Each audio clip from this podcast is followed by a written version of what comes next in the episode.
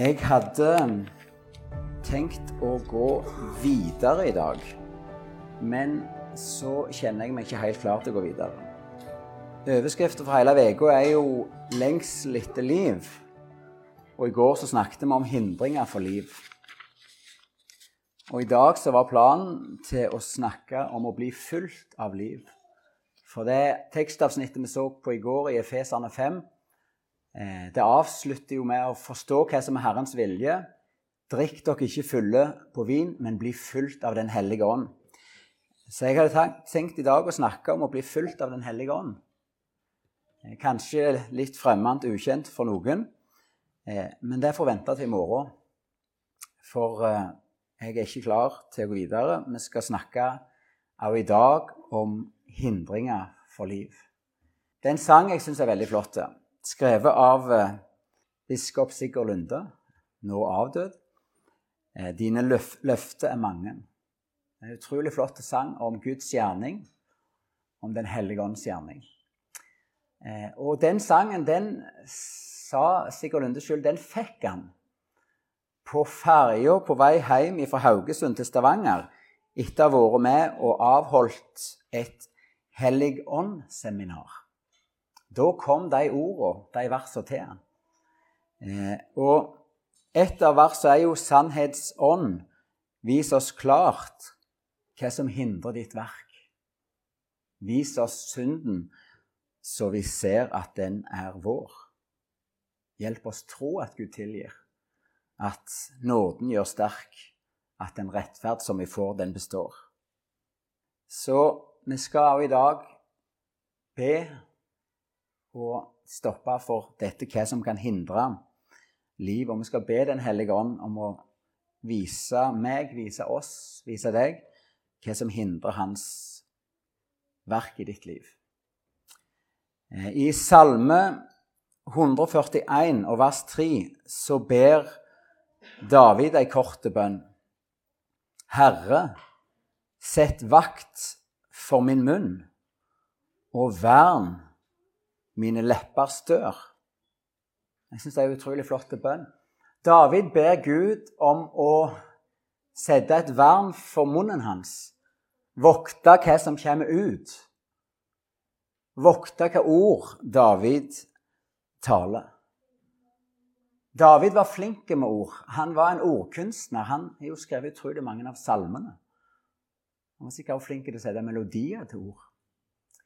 Og han visste at ord er mektige. At ord skaper noe.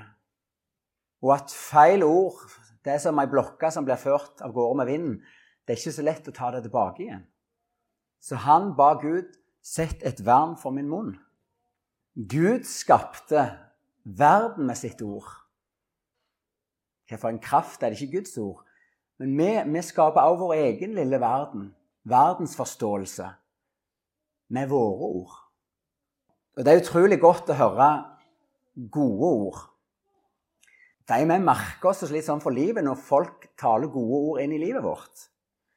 Jeg husker en lærer, Hanne Vatne, østlending. Hun og mannen hadde flytta til Orrebygda, der jeg vokste opp. Drev en stor gard, og i tillegg så var hun lærer. Og Hun var ei sånn utrolig positiv dame. Jeg hadde, og har det fortsatt, problem med dobbel og enkel konsonant, altså rettskriving. Men vet du hva Hanne sa? Gutten har fantasi. Jeg kunne være vidle og hadde enormt med energi i meg. og Noen kunne gjerne sagt 'Å, for en vanskelig unge'. Men vet du hva Hanne sa? Gutten har energi, og den vil han få bruk for.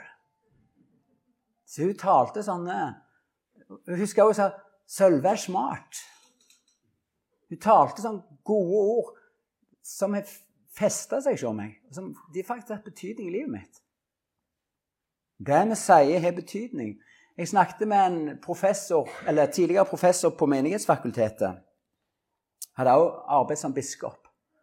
Og Han sa at når han underviste på Menighetsfakultetet, så var han så heldig at han hadde et godt rykte som gikk foran han inn i auditoriet, så var det sånn, når han kom inn der, så så studentene med forventning Hva får vi i dag?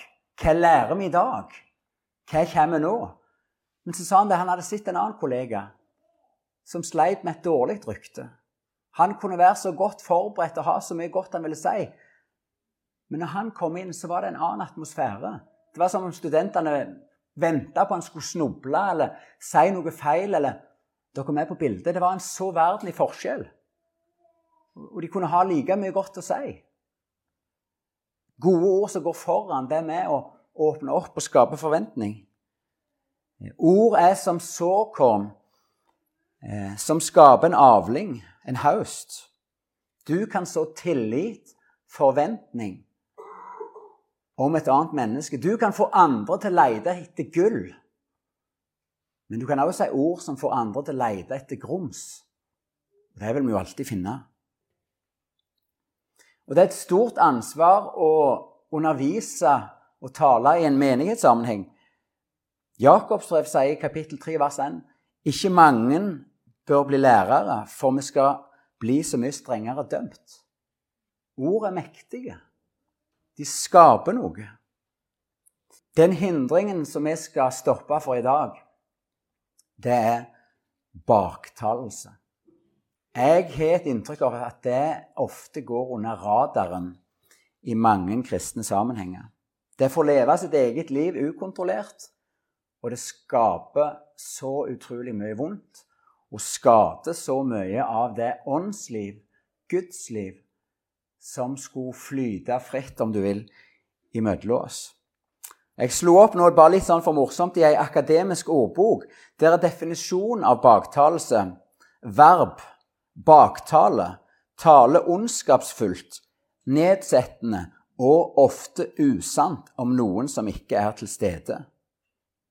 Tale nedsettende, snakke noe ned, jekke de ned. Ofte usant. Baktalelse det er noe vi alle har blitt utsatt for. Og det er noe vi alle har bidratt med. I ordspråket 1628 så står det Den som baktaler, skill ven fra ven. Det har jeg sett på nært hold, og det er ikke noe fint syn. Baktalelse skiller venn ifra venn. Baktalelse er kraft i seg til å øyelegge et flott, godt vennskap. Og Ordspråket 26,20 sier er det slutt på veden, slokner ilden. Når baktalerne er borte, stilner trette. Og Nå har jeg ikke sleid opp på det, men det står også en annen plass som fritt gjengitt at baktalelse er som lekre retter som glir ned. Altså, Baktalelse det er ferdig krydra, salta. Så det er ofte noe som overfladisk kan virke som en berikelse. En spennende samtale noe litt ekstraordinært, noe nytt. Altså Det er lekre lette retter som Det er ikke som tran som du må tvinge ned. Det bare det glir ned. Men da vil gjerne noen innvende Men hallo, kan vi ikke si noen ting? Det er det tryggeste bare tie stilt, da, for det blir vel gjerne galt uansett hva vi sier. Nei, vet du hva, det er ikke dette det handler om. Det er utrolig mye du og vi kan si som ikke er baktalelse. Et vennskap, et ekteskap, en menighet lever utrolig godt med uenighet, med diskusjon, med meningsbrytning. Det er ikke baktalelse. Og andre vil gjerne innvende seg ja, men jeg sier jo bare sannheten. Ok, Men vi kan jo ha noen motspørsmål. Er det nødvendig å si det du oppfatter som sant? Er det hele sannheten du sier? Baktalelse kan ofte som definisjon av være usant. Men det kan også mange ganger ha bete og store deler av sannhet i seg. Men det er likevel noe som til hensikt å snakke en annen person nord og ned. Og Så har vi til med det som jeg kaller for kristne varianter av baktalelse. Jeg skal gi noen sånne eksempel. Det kan være sånn Du vet hvor glad jeg er i Knut. Men Og så kommer det en utrolig lang utleggelse av karakterbrist og helt unødvendig informasjon om Knut. Det er sånn innkledt, innpakt i omsorg. Og så kan det til og med bli avsluttet med men vi, vi, må huske på å be for Knut. Og så kan det rett og slett bare være ren og skjær baktalelse. Helt unødvendig. Alle de intime, personlige, denne æreskrenkende tingene som ble sagt om Knut. Innpakt som omsorg og med oppfordring til forbønn. Men det var helt unødvendig. Noen kan bli slakta i sin rolle som mor. Sånn. Se på ungene hennes. Sånn og sånn. Sånn og sånn. Så formidler en aldri hele bildet. Og så kan det ene bli avsluttet ja, vi må huske på, hun har det ikke lett, så vi må huske på å prøve å inkludere. Og vi kan til og med gå på sånn teologisk interesse. Han er bare opptatt av endetid. Han har ikke syn for uh, ungdomsarbeid og liv i menigheten her og nå. Hva vet vel du om det? Selv om han kan mye om endetid eller om Israel eller et annet særevne som han har dypt eller hun har gravd seg ned i, hva vet vel du om hva annet som rører seg i hans eller hennes hjerte? Og kanskje hvis det ofte blir en klinsj når dere snakker, er det fordi du på død liv skal vise at du bryr deg absolutt ingenting om endetid eller Israel eller noe annet. Eh, det gjelder også hvordan vi omtaler våre barn, våre ektefeller. Om vi snakker de ned, eller om vi løfter de opp. Eh, og når Nytestamentet omtaler baktalelse, så er det alltid tydelig at det er uforenlig med livet som kristen. Paulus skriver Sånn levde dere før. Og så kommer han med ei liste der bl.a. baktalelse står i første kor. Men nå har dere lagt av dere dette. Så Nytestamentet er ensidig og sterk i sin fordømmelse av baktalelse. Det hører ikke hjemme, det skal ikke være rom for det i livet til en kristen. Det tilhørte det livet som vi en gang levde før i urenhet, i synd. Men det tilhører ikke det nye livet, i rettferdighet. Nå skal vi lese fire tekster, korte tekster fra Nytestamentet. Bare så dere får skriftsbeviser for det jeg nå sier. Vi kan starte med 2. Korinterne 12, 20. For jeg er redd at jeg ikke skal finne dykk slik som jeg vil, når jeg kommer og at det ikke skal finne meg slik som det vil. Jeg er redd jeg skal finne strid, misunning, sinne, sjølvhevding, baktale, sladder, hovmod og opprør. Paulus var redd for at han skulle finne det han ikke ville finne baktalelse. Og vi kan gå videre til 2. Timoteus kapittel 3 og vers 1-5. 2. Tim 3, der står det du skal vite at i de siste dagene skal det komme tunge tider. Da skal folk være sjølopptekne og pengegriske, skrytende, havmodige, spottende, ulydige mot foreldre, utakksame og uten tanke for det hellige, ukjærlige og uforsonlige, baktalende og uten herredømme over seg sjøl, råe, uten kjærlighet til det gode, svikefulle, oppfarende og store i egne øyne. De elsker lystene sine mer enn de elsker Gud. De er gudfryktige utenpå, men fornekter krafta i gudsfrykta. Altså, Bibelen går så langt til å si at baktalelse det er et av kjennetegnene på det frafalla gudsfolket i endetida. De skal ha et skinn. De skal, de skal framstå som gudfryktige, men de elsker sine egne lyster mer enn Gud. Du skal vite at i det siste tid kommer det tunge tider. For da skal sjøl i menigheten, de som hadde navn av å stå for sannheten, det skal baktalelse florere. Så Bibelen sier at dette er et kjennetegn på den forfallet i kristenhet eller i menighetsliv. Når vi lever sånn vi dypest sett elsker våre egne lyster høyere enn Gud. Eh, og Vi kan gå videre til å lese i 1. Peters brev, kapittel 2, vers 1. Legg difor av all vondskap, svik og hykleri, misunning og baktale, og lengte som nyfødte barn etter den rene mjølka som ordet er, så det kan vokse med den til frelse. Igjen, det er noe Gud kaller oss til å legge av. Legg av baktalelsen. Så i dag så skal vi få en anledning til å både ta et valg til å vende oss vekk fra det, men til å legge av. Vi ønsker ikke å være et folk som baktaler. Vi ønsker ikke å være et folk som snakker andre ned, snakker bak ryggen. Og til slutt så skal vi lese fra Jakobs brev, kapittel 4, og vers 11 og 12. Der står det Det må ikke baktale hverandre, søsken. Det må ikke baktale hverandre, søsken.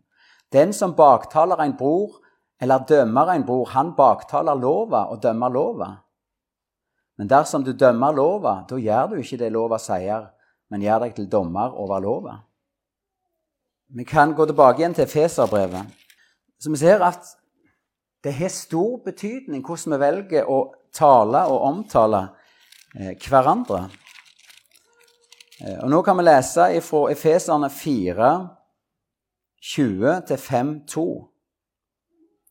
Men slik er det ikke med dykk. Det har lært Kristus å kjenne. For det har hørt Han og blitt underviste i Han etter den sanninga som er i Jesus. Lev ikke som før, men legg av det gamle mennesket, som blir fortært av de forførende lystne. Bli nye i sjel og sinn. Kle dykk i det nye mennesket, som er skapt etter Guds bilete til et liv i rettferd og heilagdom, i samsvar med sanninga. Legg derfor av løgnene og snakk sant med hverandre, for vi er lemer som hører hverandre til. Blir det harme, så synd ikke, og lat ikke sola gå ned over vreiden dykker. Gjev ikke djevelen rom. Den som stal, skal ikke lenger stjele, men arbeide og gjøre noe nyttig med sine egne hender, så han kan ha noe å gi til de som trenger det. Lat ikke et eneste råte ord Det kan vi godt lese om vi vil baktalelse. La ikke et eneste baktalende ord komme fra dykker munn. Si bare det som godt er, og som tjener til oppbygging der det trengs, så det kan bli til velsigning for de som hører på. Gjør ikke Guds hellige andes sorg, for anden er seglet det bærer til den dagen det skal frias ut. Vær ikke harde, hissige og sinte, og hold opp med all skrål og spott. En annen interessant ting spott. Det er fra det greske blasfemia. Og Det blir oversett to på to ulike norske ord i i biblene våre. Det blir, kan oversettes med spott, men det kan også oversettes med baktalelse. Det sier noe om hvor alvorlig Gud ser på dette. at Til spotte da tenker vi til å tale krenkende mot Gud. Men det er til å baktale, eller blasfemia, om du vil, til baktale en bror, et menneske, det er også til å krenke Gud. Spott, baktalelse, blasfemia og all annen vondskap Vær gode mot hverandre og vis medkjensle, så det tilgjev hverandre, liksom Gud har tilgitt dere i Kristus. Ja, likna Gud det som er Hans kjære barn. Lev i kjærleik, liksom Kristus elsker oss og ga seg sjøl for oss, som ei gave og et offer, ei vellyktende ange for Gud. Altså, jeg skal ikke gå gjennom hele denne teksten, men her ser vi at Paulus og Bibelen stiller oss på valget mellom å leve i tråd med det nye mennesket eller det gamle mennesket. Til å legge av oss vondskap og ikle oss rettferdighet. Til å tale ord til velsignelse som bygger opp, eller baktale. Og så ser vi at måten vi velger å leve på, og nå i dag spesielt måten vi velger å tale på, det åpner opp ulike dører. For um, Paulus sier Gi ikke djevelen rom.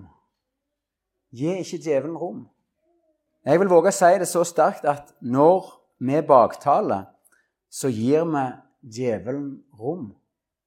Jeg holdt nesten på å støkke. Jeg husker det når jeg slo opp og ble minnet om hva baktaler, hva det greske ordet for det er. Det er diabolos.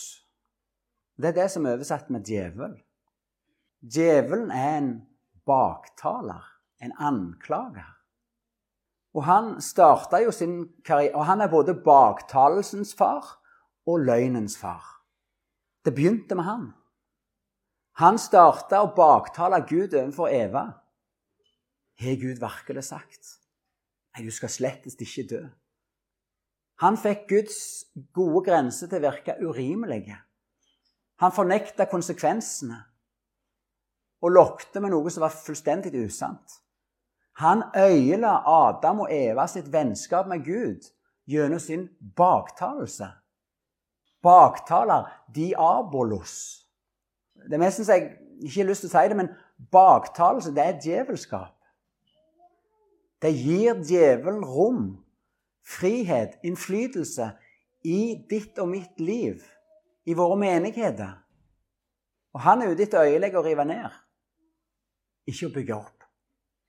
Av og til så tenker vi liksom det som virkelig er alvorlig, det er sånn når du har velting av gravstøtte, og noen som sier de er satanister som brenner ned kirker, eller søker noen okkulte spill.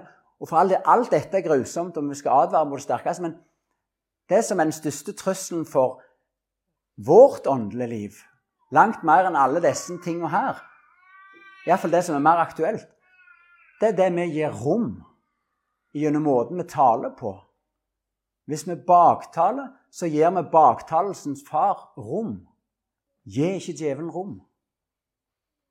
Så det er den ene døra vi åpner opp til vår familie, vår menighet. Har vi lyst til å åpne døra for ham? Er det verdt det? Bare for å komme med noe krydder og smøre på og snakke litt Er du klar over hvem du åpner opp for? Det neste denne teksten sier at gjør ikke Guds hellige ånd sorg. Det er en annen dør som blir slått opp når vi velger å leve imot det Gud kaller oss til. Når vi velger å leve i urenhet, i baktalelse. Vi gir Guds hellige ånd sorg. Og Så sier jo Bibelen at gleden i Herren skulle være vår styrke. Det skulle være noe av det som gjorde oss så sterke som kristne. Gleden i Herren. Og vet du hva? Der vi med våre ord gir Den hellige ånd sorg, der er det ikke mye gleden i Herren som er vår styrke. Det tar frimodigheten ifra oss. Kraften. Om du vil kranen til det nye livet, den, den blir skrudd igjen. Åndsfylde og baktalelse det er to strømninger som ikke går sammen. Gjør ikke Guds hellige ånd sorg. Si bare det som bygges opp, som bygger opp seg i denne teksten. Et annet flott ord fra Romerne kapittel 12 og vers 10 er Der står det 'kappes om å hedre hverandre'. Det syns jeg er utrolig flott.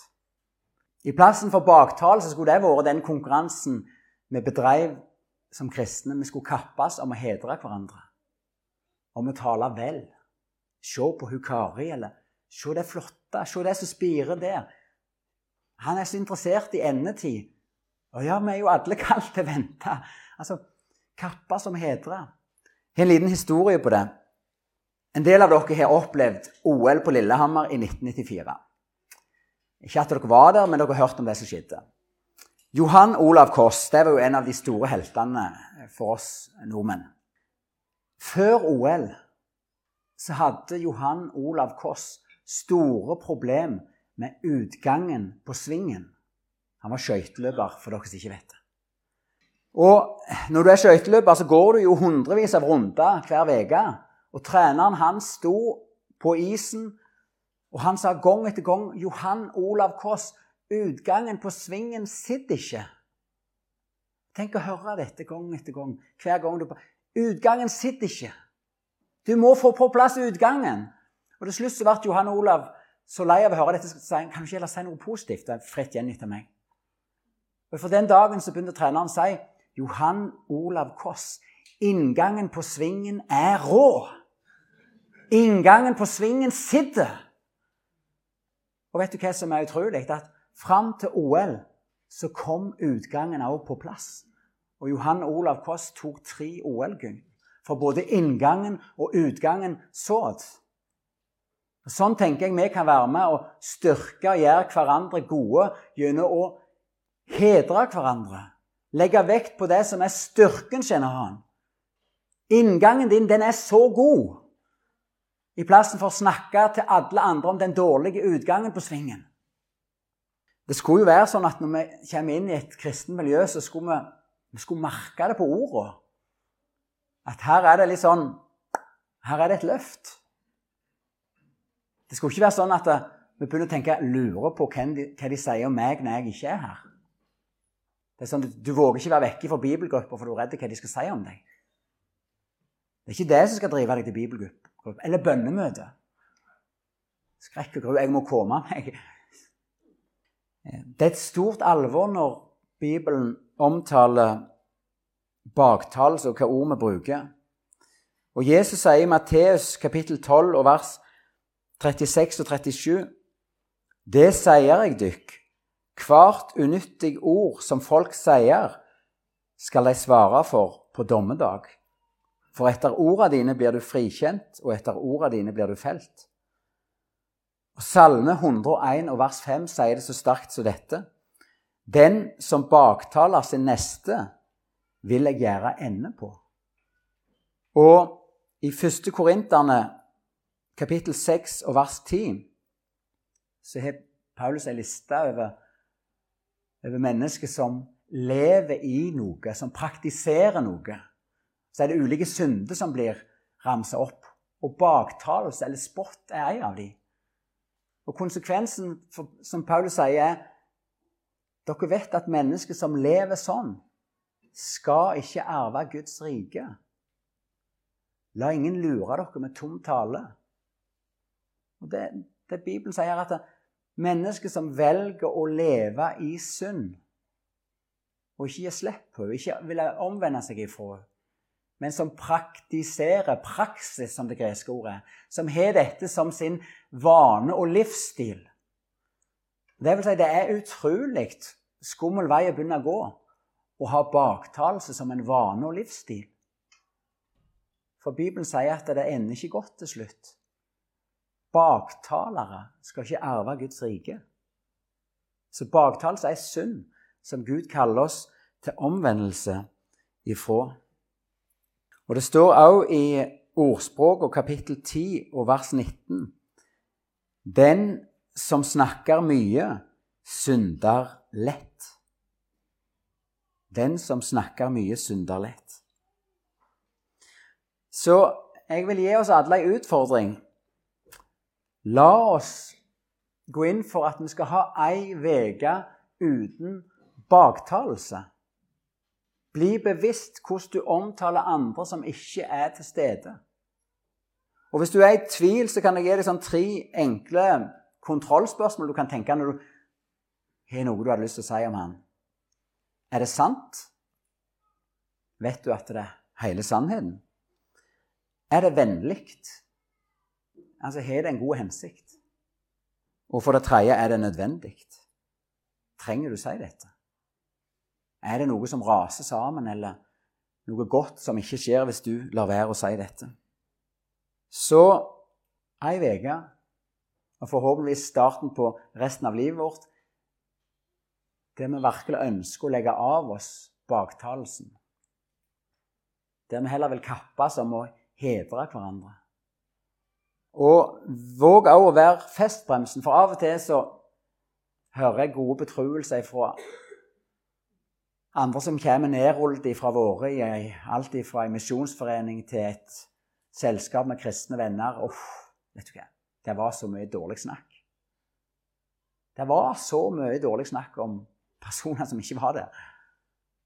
Hvis du opplever at du, du sitter der og så har du egentlig litt vondt når du hører på jeg er sammenhengen, våg å være festbremsen som sier er du, sikker, er du sikker på at det er sant, det du sier? Stemmer det? Vet du alt? Eller kan det være sånn at Våg å komme innvendinger mot det som bare er snakka en annen person ned. Og Jeg tror at mange av oss lengter etter større renhet på dette området. Vi ønsker å tale ord som er til velsignelse. Kanskje grensene er gradvis blitt flytta i ditt liv, og i dag er dagen for å ta deg tilbake igjen. La ikke et eneste råde ord komme over din og min munn. Og jeg er overbevist om at baktalelse hindrer mye av det gudsliv som skulle prege mitt og ditt liv, vår familie og vår menighet. Og lengter vi etter mer liv, og det tror jeg vi gjør, så trenger vi alle å be den bønnen som David ber, ba. Herre, sett vakt for min munn og vakt mine leppes dør. Så Skal vi be litt sammen? Herre Jesus, vi takker deg for at du alltid talte det som var sant, og du talte det med gode hensikter og i kjærlighet og i sannhet. Og Herre Jesus, du ser at vi mange ganger har lyst til å fortelle interessante ting som gjerne bare er med å rive ned ryktet og øyelegge livet for andre. Og jeg ber deg for min egen del og for hver og en her inne at du må sette vakt for vår munn, og at du må verne mine og våre leppes dør. Jeg ber Herre Jesus om at den døra som er åpne for den vonde, for Han som er baktalelsens far, Han som er en baktaler, at vi må klare å holde den stengt i våre, våre liv, i våre familier og i våre menigheter. Må du velsigne oss med evnen og viljen til å tale ord til velsignelse, til oppbyggelse, som hedrer og ærer alt som er heder og ære verdt. Så ønsker vi å være litt i stillhet for deg, og vi ber deg, Hellige Ånd, vis oss, vis meg, vis den enkelte klart hva som hindrer ditt verk i vårt liv. I Jesu navn. Amen. Eh, hvis du nå under denne bibeltimen eller senere i dag blir minnet om en person som du har baktalt, og det liksom legger seg sånn på deg, så ikke vær redd for å be om tilgivelse. Det kan føre til mye godt.